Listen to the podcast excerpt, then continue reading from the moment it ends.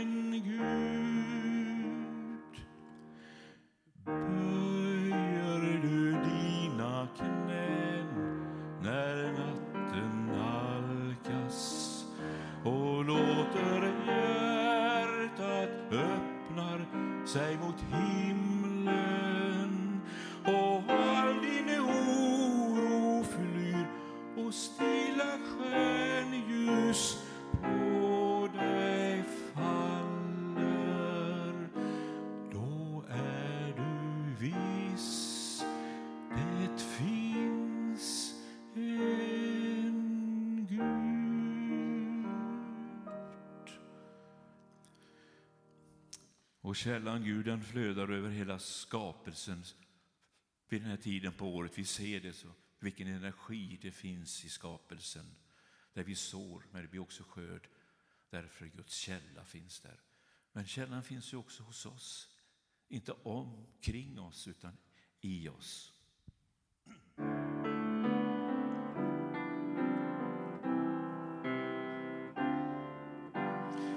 En inre källa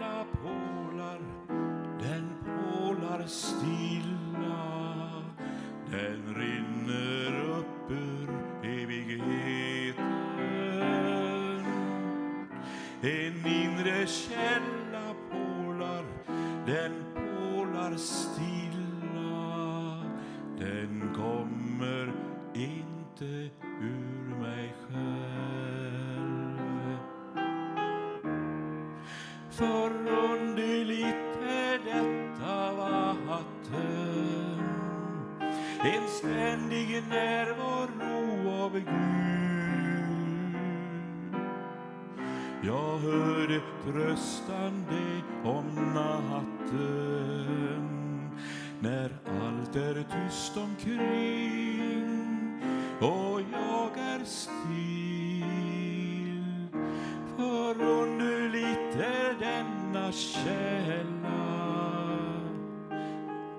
En ständig närvaro av Gud. Det är den åtråvärda skatten Ren och klar, ofattbar. Den är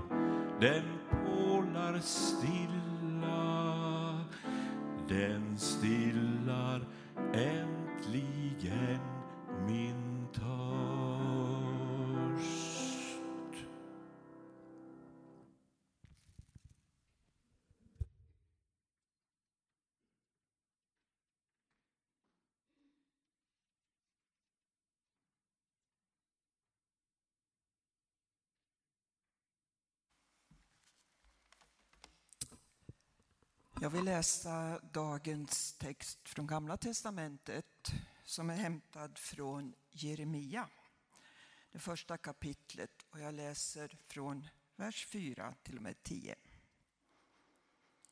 Herrens ord kom till mig. Jag kände dig innan du formades i din mors liv. Innan du föddes avskilde jag dig och utsåg dig till en profet för folken. Jag svarade, min herre, herre, jag kan inte tala, jag är för ung. Då sa Herren till mig, säg inte att du är för ung, utan gå dit jag sänder dig och tala vad jag befaller dig. Var inte rädd för dem, för jag är med dig och jag ska rädda dig, säger Herren.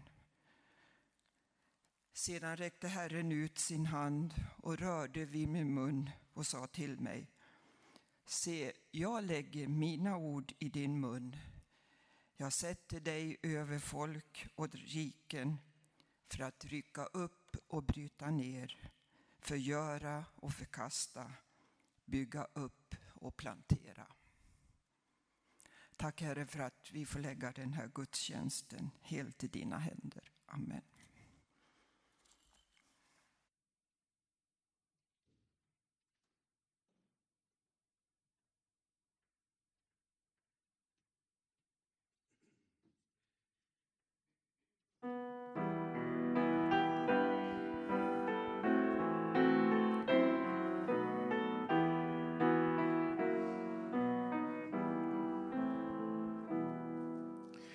I tro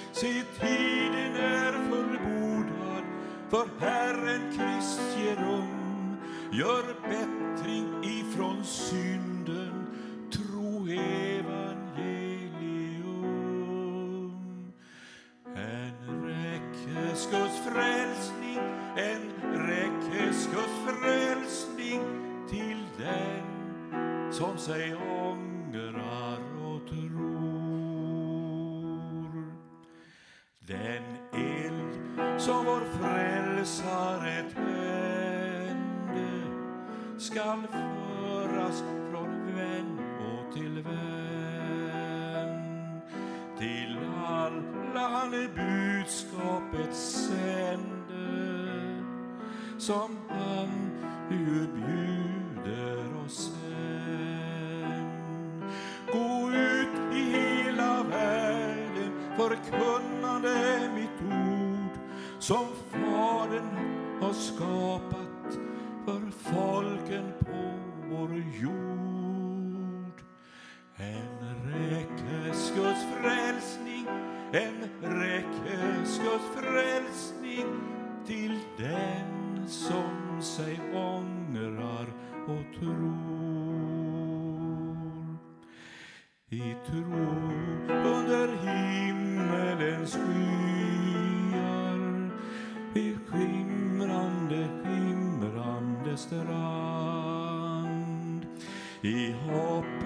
som stets förnyar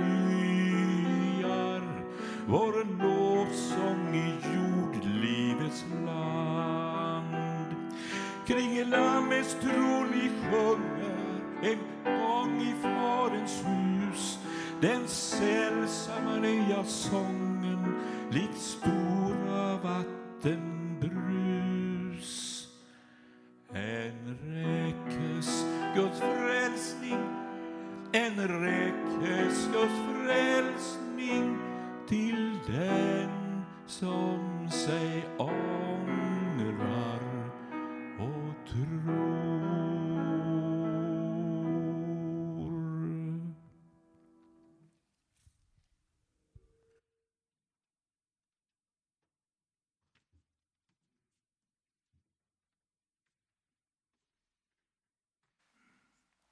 Då ska vi sjunga tillsammans sången nummer 90.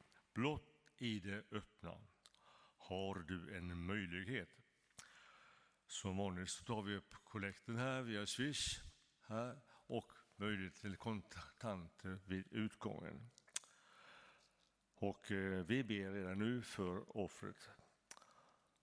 Herre, jag tackar dig för att vi får dela gudstjänsten tillsammans och tackar att vi får dela med oss av det som vi har fått av dig i vår gåva till församlingen. Herre, välsigna gåvan, välsigna oss, varje givare. Amen.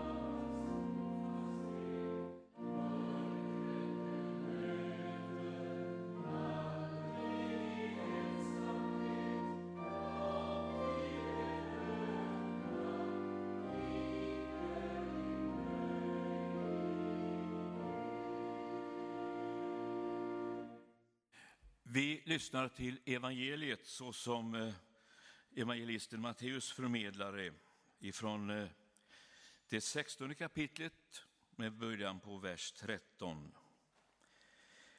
När Jesus kom till området kring Caesarea Filippi frågade han sina lärjungar, vem säger människorna att Människosonen är? Det svarade, somliga säger Johannes döparen, men andra säger Helia, och andra Jeremia eller någon profet. Och ni, frågar han, vem säger ni att jag är? Simon Petrus svarade, du är Messias, den levande Gudens son.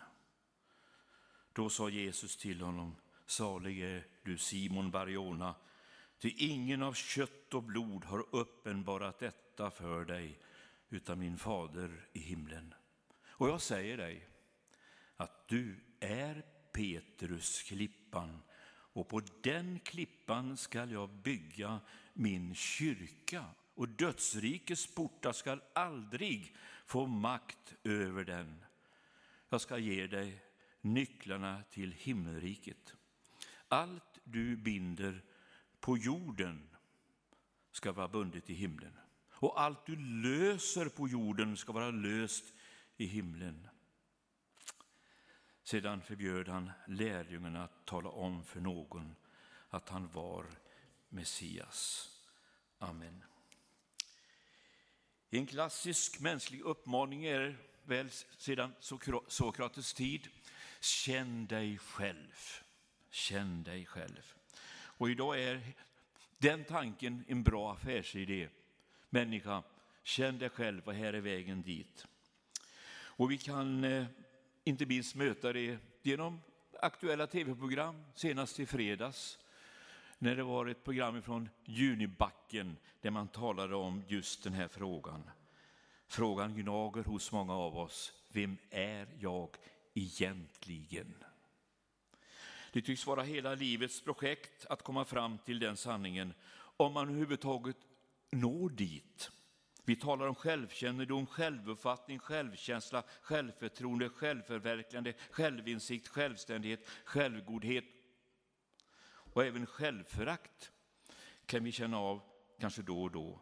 Nog är dessa ord frekventerade ibland oss. Intresset från oss själva och andra är, vem är jag egentligen? Och nu kan vi fråga oss om inte Jesus är inne på samma spår när han undrar, vem säger ni att jag är? Precis som han inte visste det. Var det någon som borde haft kunskap om vem han var, så var det väl ändå mästaren själv. Hans liv hade sannerligen varit händelserikt och det fattade sig inte inslag som han borde ha tagit till sig och förstått att hans liv var enastående och insatt i en gudomlig bestämmelse. Hans födelse, bara den, var utöver det vanliga men något eget minne hade han givetvis inte därifrån. Men han hade väl lyssnat till vad folk sa. Det handlar om en enastående mänsklig eh, nedslag. Där fanns änglar, herdar och vise män från fjärran land. Men det som han själv medvetet hade fått ta del av kanske var ännu mer tydligt och påtagbart om vem han egentligen var. Jag tänker på händelsen vid floden Jordan och hans dop. Vid det tillfället kom en röst från himlen som tydligt och klart gjorde Jesus medveten om vem han var. Rösten från himlen sa, du är min älskade son. Kan det bli mer tydligt? Ja, likväl frågar han sig, vem säger ni att jag är? Men textavsnittet och frågan om vem han är kanske inte egentligen handlar om Jesus själv utan om hans lärjungar i allmänhet och Petrus i synnerhet. Nu sitter Jesus där med lärjungarna upp i Galileen, så långt upp man kan komma närmare Caesarea Filippi. Bara några dagar senare och ska han bege sig ner till Jerusalem för att där ge sitt liv. Frågan som brände i hans inre gällde förmodligen om det var möjligt att bygga Guds rike på de här unga männen när han väl var borta. När frågan ställs är Jesus intresserad av det svaret de har att ge. Har de fattat vem deras rabbi var, tro? Är han en bland många andra eller var han Messias som var utlovad? Det var frågan från Jesus man ville ha svar på. Skulle lärjungarna, när de fick reda på hela sammanhanget, dra sig ur det hela när väl vandringen upp till Jerusalem började? Det som Jesus säger med sin fråga, att era svar avgör hela Guds rikets framtid. Och då, kom, sen, då kommer svaret från Simon Petrus. Du är Messias, den levande Gudens son. Kanske detta är den mest avgörande bekännelsen till Jesus Kristus som har uttalats av lärjungarna genom tiderna. Du är Messias, den levande Gudens son. Mitt i det stillsamma samtalet, mitt uppe i deras vardag, händer det. Det är inte Jesus som söker sin identitet, utan framför allt gäller det Petrus och kanske alla hans lärjungar genom tiderna som förmår sig till bekännelsen i sitt hjärta och som Jesus kommenterar med orden inför Simon Petrus. Salig är du Simon Bajona. Ingen av kött och blod har uppenbarat detta för dig utan min fader i himlen. Slår det an hos dig? Möts du också av dessa här ord från Mästaren? Salig är du. Till ingen av kött och blod har uppenbarat detta för dig utan min fader i himlen.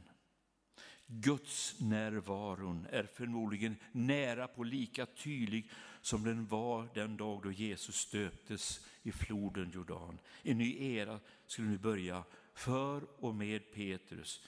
Jesus säger då, du är Petrus, klippan. På den klippa skall jag bygga min kyrka och dödsrikets portar skall aldrig få makt över den. Det är för övrigt första gången i Bibeln som ordet kyrka nämns, som är det grekiska ordet kyriake, som betyder den som tillhör Herren. Kyrkan är ingen byggnad. Det är något som tillhör Herren. Det som går genom en stöt genom världen i detta uttalas av kyrkans Herre, Jesus Kristus själv, är kyrkan. Sedan börjar vandringen upp emot Jerusalem med stunder på förklaringsberget, men också hans tal om det egna lidandet. Även i det sammanhanget sticker den nyutnämnde Petrus fram. När Jesus talar om sitt lidande så protesterar Petrus. Må Gud bevara dig, Herre. Något sådant skall inte hända dig. Jag skulle vilja se Jesu blick när han möter Petrus övertygande blick om detta, när han säger Håll dig på din plats, Satan. Hårda ord kan vi tycka, framför allt med tanke på vad han hade utnämnt Petrus till. Väggen, hör ni, mellan det ena och det andra är tunn som du märker. Så präglas det mänskliga livet. Och låt oss stanna upp inför det. Vad kan vi lära oss av det här? Jo, att trots våra höga bekännelser kan vi hamna i en inre kluvenhet. Det skiftar lätt mellan det ena och det andra. Väggen är tunn mellan hetta och ljumhet, mellan övertygelse och vilsenhet. Det skulle bli flera situationer då Petrus liksom kommer fel. Vi minns alla hans förnekelse på Kajafas gård, trots att han hade sagt om så alla övriga lärjungar kommer på fall så ska jag inte göra det. Men vad händer? Han flyr hals över huvud och de övriga, ja de gömmer sig bakom stängda dörrar. Men det skulle bli, trots detta, fler möten mästaren och lärjungarna emellan. Men innan det sker, då har det drastiska skett att Jesus hängts upp på ett kors och han har uppstått ifrån de döda. Och nu är han vid Genesarets strand där de ängsliga lärjungarna hade förenats efter alla om och men. Vad hade han att förvänta sig nu när han nu kom till lärjungarna vid stranden av Genesarets sjö? Kanske hade Jesus behov av att få ett utfall av vrede emot Petrus och de övriga lärjungarna, svikarna. Nej, så blev det inte. Tvärtom. Inte ett ord från Jesus om allt det som har hänt. Varför?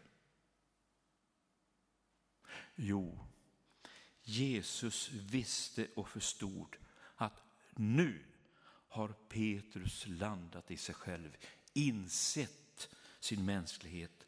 Av skatten han har, ja den är nedlagd i det bräckligaste kärl man kan tänka. Det fanns inte något, längre något eller någon att gömma sig bakom. Hans tidigare bekännelse klingade falskt i Petrus inre. Hans liv var blottat och avslöjat. Det fanns inte mycket kvar att säga. Jo, en sak. När Jesus möter honom och Petrus säger Herre, du vet allt. Du vet att jag har dig kär. Samtidigt som Jesu ord alltjämt gällde trots förnekelse och annat. Du är Petrus, klippan. Lyssna, för det här är viktigt tycker jag. Just här vävdes det genuint mänskliga och det genuint gudomliga samman i en samhörighet. Det är inte livets motsatser. Precis det som måste ske för att livet ska bli äkta och sant igenom måste det gudomliga och det mänskliga sammanvävas. Och när förhållandet till Gud är sådant är det gudomligt. Dithän måste vi alla komma.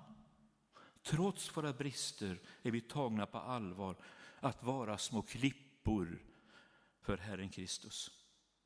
Just detta säger något viktigt om Kyriake, om kyrkan. Det säger oss något om hennes allra innersta väsen. Mitt uppe i sin gudomlighet är den djupt, djupt mänsklig. Kyrkan har inget skyltfönster mot världen där den perfekta människan visas upp. Nej, bara det djupt, djupt mänskliga. Just i mötet med det gudomliga och det mänskliga kan under ske. Då vi tas ur vår falskhet och uppvisning av våra falska fina fasader och blir inget annat än det vi i Kristus är. Sanna människor, varken mer eller mindre. Och vi kan då säga som Petrus, kanske i ödmjukhet, i en uppgivenhet, att vi inte lyckas så som vi, som vi vill. Säger inför Mästaren, du vet Herre, jag har dig kär. Vi gör det i ödmjukhet, utan åthävor. Vi vet, vi vet fullt ut om vår egen svaghet och bröstenhet. Vi vet att just därför behöver vi Jesus Kristus. Kyrkan, ja. Den är en mötesplats mellan det gudomliga och det mänskliga. Inte på grund av att människan vill det och människans initiativ, utan för att Gud lät församlingen, kyrkan, födas för världen och människans skull.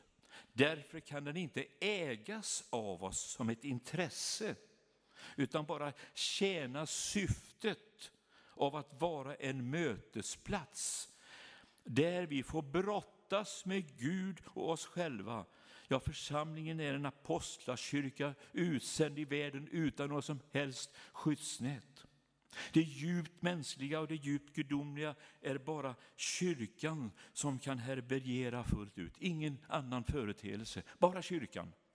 Inte som en byggnad, utan som en andlig påtagbar verklighet. Därför kan kyrkan aldrig bli en spegelbild av så mycket annat i världen, där prestation, framgång och ytlighet premieras. Hon är och förblir en botbild till allt detta. Hon lever inte bekvämt i åsiktskorridorerna, där de flesta gör sig hemmastadda. Nej, den bryter allt vad gränser heter och öppnar sig för allt mänskligt genuint liv. Det är därför kyrkan lever så farligt. För när den frestas efter att söka en framgång skilt från hennes innersta väsen, som om vägen till ett djupare liv går genom ytligheten, ja så kan det väl bara inte vara. Så låt oss inte bli lurade. Det finns en risk att allt ska vara så tillrättalagt, vad vi nu menar med det. Att det heliga går förlorat. Att vårt inre blir ett tomt eko av gudomlig närvaro istället för att vara bärare av den gudomliga närvaron. Och här har gudstjänsten sin plats och sin nödvändighet. Den mest tydliga mötesplatsen mellan det mänskliga och det gudomliga. Den går inte att förfuska. Och den har sina rötter tillbaka i tiden. Den håller alltjämt. Den har sin bakgrund i synagogsgudstjänsten från den tid där det står att när Jesus som hans sed var gick till synagogan. Vi lever kvar i skvalpet av allt detta som hör kyrkans historia till. I vår gudstjänst finns drag av den 2000-åriga ordningen som vi kan kalla liturgi. Som ingenting annat är en kyrkans skydd mot präster, pastorer och också andra för den delen, som någon biskop har sagt, som vill ta över kyrkan och göra den till något eget.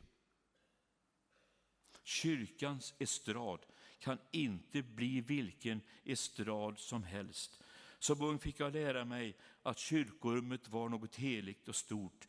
Det lever kvar i mig. Inte för att Gud kräver det, utan jag behöver en sådan plats där mitt mänskliga får brottas med det gudomliga. Precis som det skedde för Jesaja när han var i templet, när han sa ve mig, jag förgås.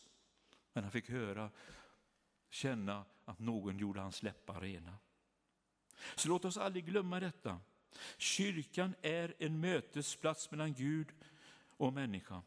Jesus ger i sitt samtal med lärjungarna kyrkan en auktoritet som ingen annan har.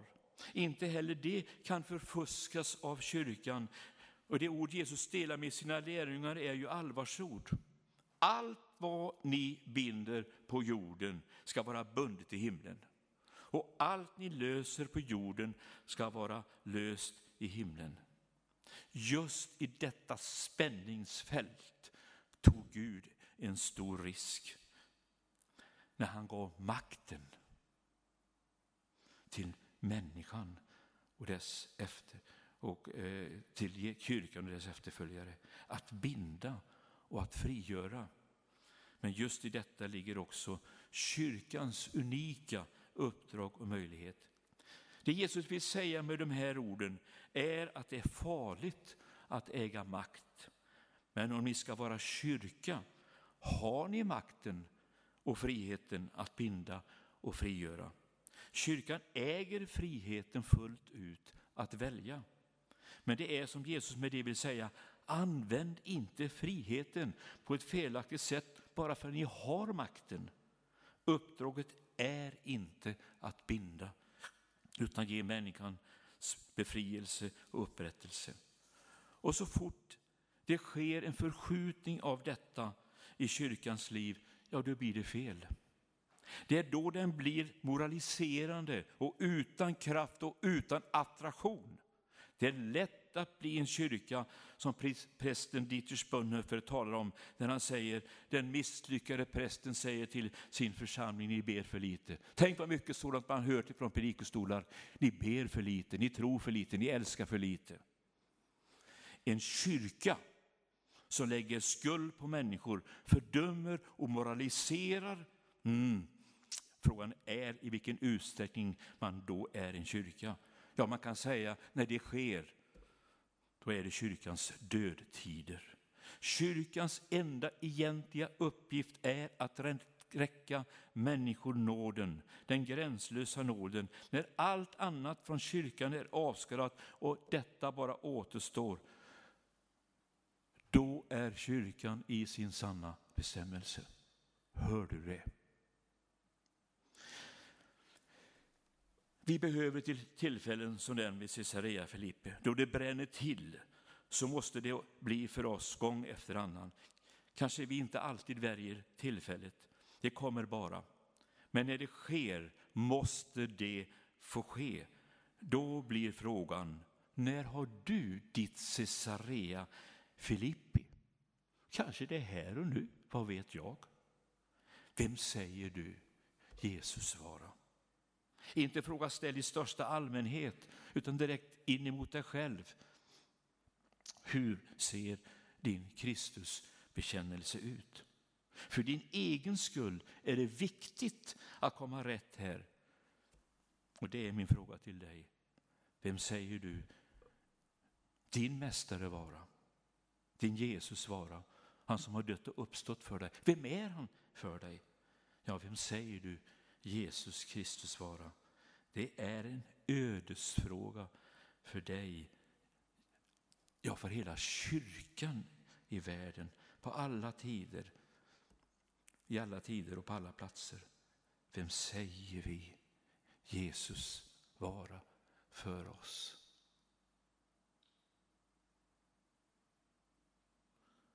Amen. Jag har inget mer att säga.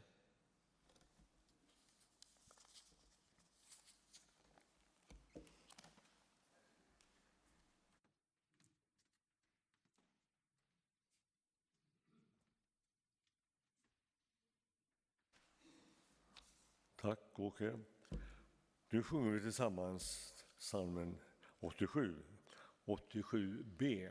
Våga vara den du i Kristus är.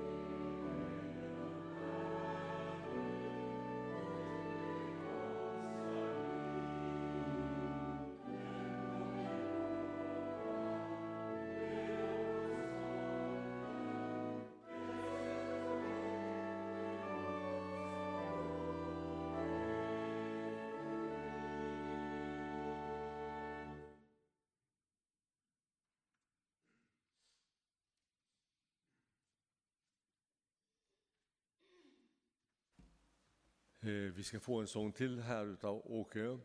Och under tiden som Åke sjunger så får du gärna komma fram här. Vi har ljusbäraren här, möjlighet att tända ljus. Och du får möjlighet att också skriva ner dina bönämnen i lappar som finns där borta. Är lappen ihopvikt så läser vi inte upp den. Är den öppen så läser vi ditt bönämne. Så att, eh, välkommen Åke och ni andra, varsågoda.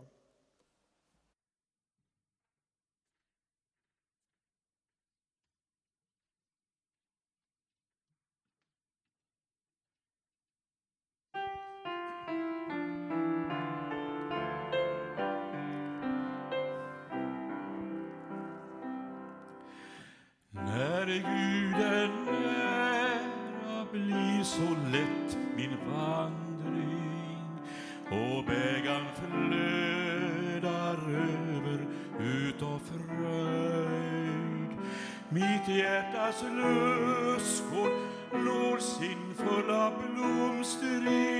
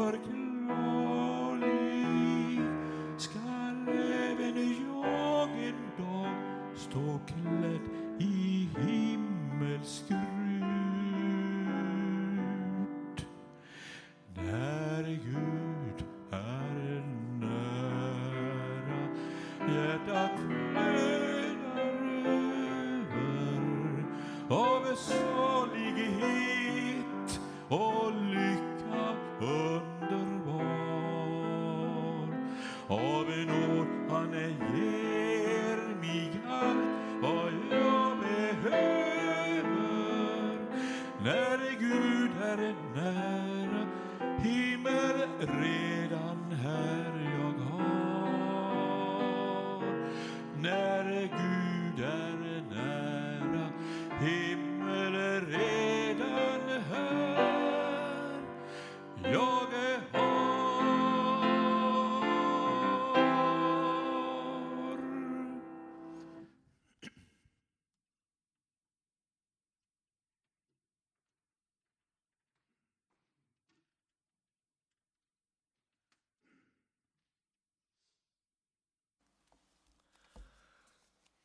Vi har en förbönskalender som vi följer här under den här sommaren. Idag den 9 juli så ber vi för basgrupp nummer tre.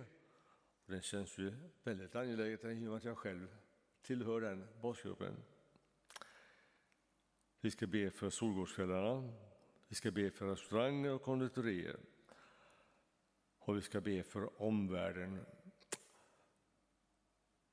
Herre, jag tackar dig för att vi får vara en församling som finns med i basgrupper, omsorgsgrupper. Herre, var med och välsigna oss i basgrupp nummer tre. Hjälp oss att vara ditt ljus, ditt salt i vår bygd. Herre, tack för mina vänner i basgruppen, omsorgsgruppen. Hjälp oss att vara omsorg om varandra. Herre, jag ber för torsdagens, på söndagens kvällar, Solgårdskvällarna, som börjar ikväll med Nils-Erik. Herre, låt det få bli en god kväll även den här och nästa. Herre, du ser och känner vår bygd, vårt samhälle och vi ber för restauranger och konditorier. Tack att de är med och tjänar på ditt, sitt sätt. Så när vi ber om detta som är så nära oss så känner vi att det, vi har det alldeles för bra när vi tänker på omvärlden, hur det ser ut runt om oss. Herre, du ser all vånda som finns över det som sker, allt det onda. Herre, jag ber förbarma dig över vår värld. Och Herre, du som sänder oss att vara dina vittnen, Herre hjälp oss vara ledarna i vårt samhälle, präglade av din kärlek, så att ditt verk får råd, din, ditt verk får gå vidare. Herre, förbarma dig över oss. Så Herre ser du de ljus som är tända, du vet vilka tankar som ligger bakom. Herre, tack för det som ligger bakom där också. Och du vill ge din välsignelse till det som önskas och som beds om. Herre, så vill jag i den här bönen också be och tacka för att Bernt finns med oss i gudstjänsten. Det är länge sedan. Och vi gläds över att du kan vara med idag, Bernt.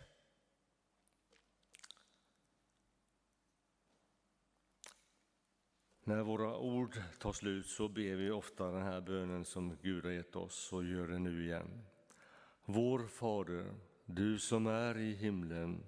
Låt ditt namn bli helgat. Låt ditt rike komma. Låt din vilja ske på jorden så som i himlen.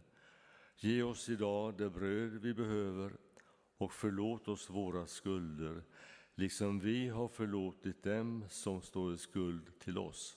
Och utsätt oss inte för prövning, utan rädda oss från det onda. Ditt är riket, din är makten och äran i evighet. Amen. När jag under veckan har förberett den här gudstjänsten och tankarna så kom det en, liten sång som vi sjöng i ungdomskören som jag hade förmånen att leda i slutet på 70-talet. Det är länge sedan. Men sången den är aktuell. Det är Börjes. Jesus, här är jag, sänd mig.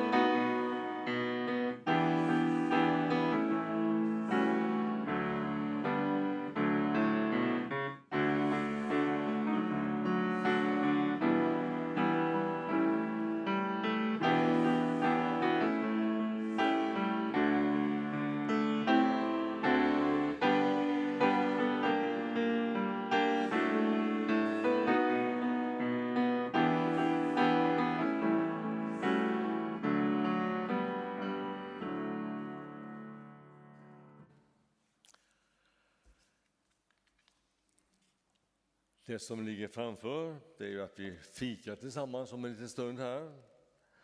Och sen ikväll då så är det solgårdskväll då Nils-Erik Andersson kåserar. Nisse Post säger jag, då vet alla vem det är. Det blir en fin kväll. Och vi har, jag kollar lite grann, vad blir det för servering? Jo, det blir jordgubbar. Så välkomna att njuta både av det som Nisse ger oss och av den goda serveringen, jordgubbar. På eh, torsdag 14.30 så är det andakt på Fridhäll som Karl-Johan ansvarar för. Är det någon som vill följa med och vara med och sjunga så är han tacksam för det. Och klockan 15 så är det Solgårdshuset som är för oss daglediga. Nästa söndag så har vi, ingen, har vi ingen gudstjänst här utan då är vi i Pingstkyrkan för ekumenisk gudstjänst och predikan där utav Joel Sundström.